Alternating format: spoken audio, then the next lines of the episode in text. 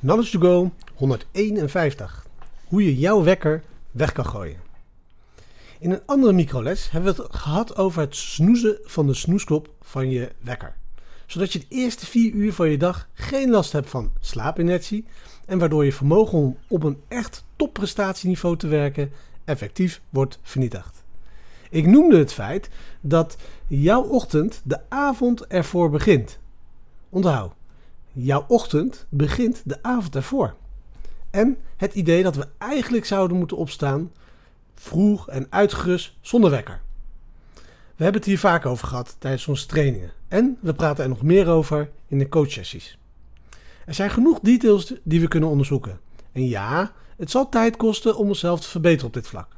Maar als we de onmogelijke droom durven te dromen om zonder wekker op te staan en ons super energiek te voelen, is het echt niet zo ingewikkeld, toch? We moeten onze avondroutines veranderen.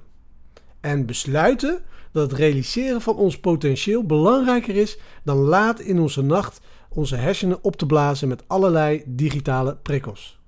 En dat is de microles van vandaag.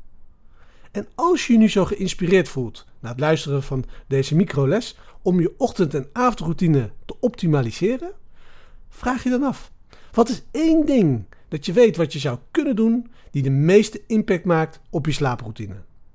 En als je zover bent, pas dan de 5 seconden regel van Mel Robbins toe.